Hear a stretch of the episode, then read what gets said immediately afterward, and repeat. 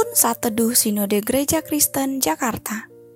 Selasa 29 Juni 2021 Judul Renungan Menjadi Teladan.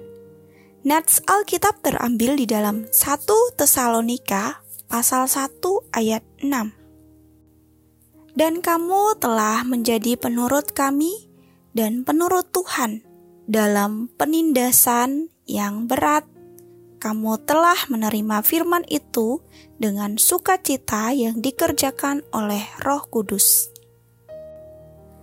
Anak-anak belajar dengan meniru. Mereka akan melakukan apa yang mereka lihat dari kedua orang tua mereka. Proses meniru ini dimungkinkan karena setiap orang memiliki serangkaian saraf cermin atau dalam bahasa Inggrisnya mirror neurons yang terletak di konteks premotor otak manusia yang bertanggung jawab untuk proses imitasi terhadap orang lain. Maka dari itu, ide tentang keteladanan tidak lepas dari proses peniruan semacam ini. Ada sosok yang bisa menjadi teladan, sosok yang patut ditiru atau dijadikan contoh dalam menjalani kehidupan. Setiap orang dalam perjalanan hidupnya perlu bertumbuh dengan belajar dari orang lain yang bisa menjadi teladan baginya. Rasul Paulus bersyukur atas keberadaan jemaat di kota Tesalonika. Dalam kehidupan dan pelayanan mereka, mereka dapat menjadi teladan yang baik bagi sesamanya.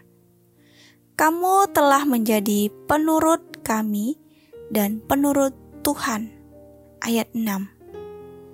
Dengan kata lain, jemaat Tesalonika telah melatih hidup mereka semakin serupa Kristus dan juga meneladani Rasul Paulus.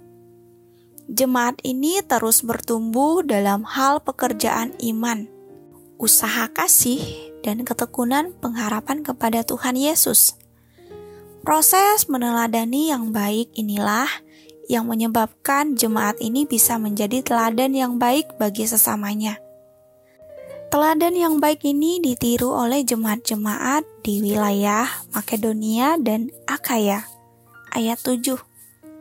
Dalam hal ini terjadi penyebaran keteladanan satu dengan yang lain. Bahkan pada akhirnya tidak terbatas pada wilayah Makedonia dan Akaya, melainkan juga wilayah-wilayah lainnya. Sebagai komunitas anggota tubuh Kristus, kita juga mau belajar menjalani proses untuk menjadi komunitas yang dewasa rohani melalui pembentukan hidup serupa Kristus. Dari dalam diri kita, akan muncul karakter-karakter Kristus. Hal itu berdampak pada komunitas kita sendiri.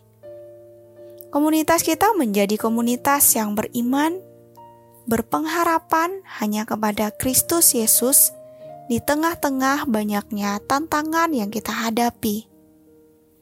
Komunitas kita menjadi komunitas yang penuh kasih, saling melengkapi, saling menopang, saling mengampuni, saling menguatkan. Dengan demikian, komunitas kita menampilkan serupa Kristus.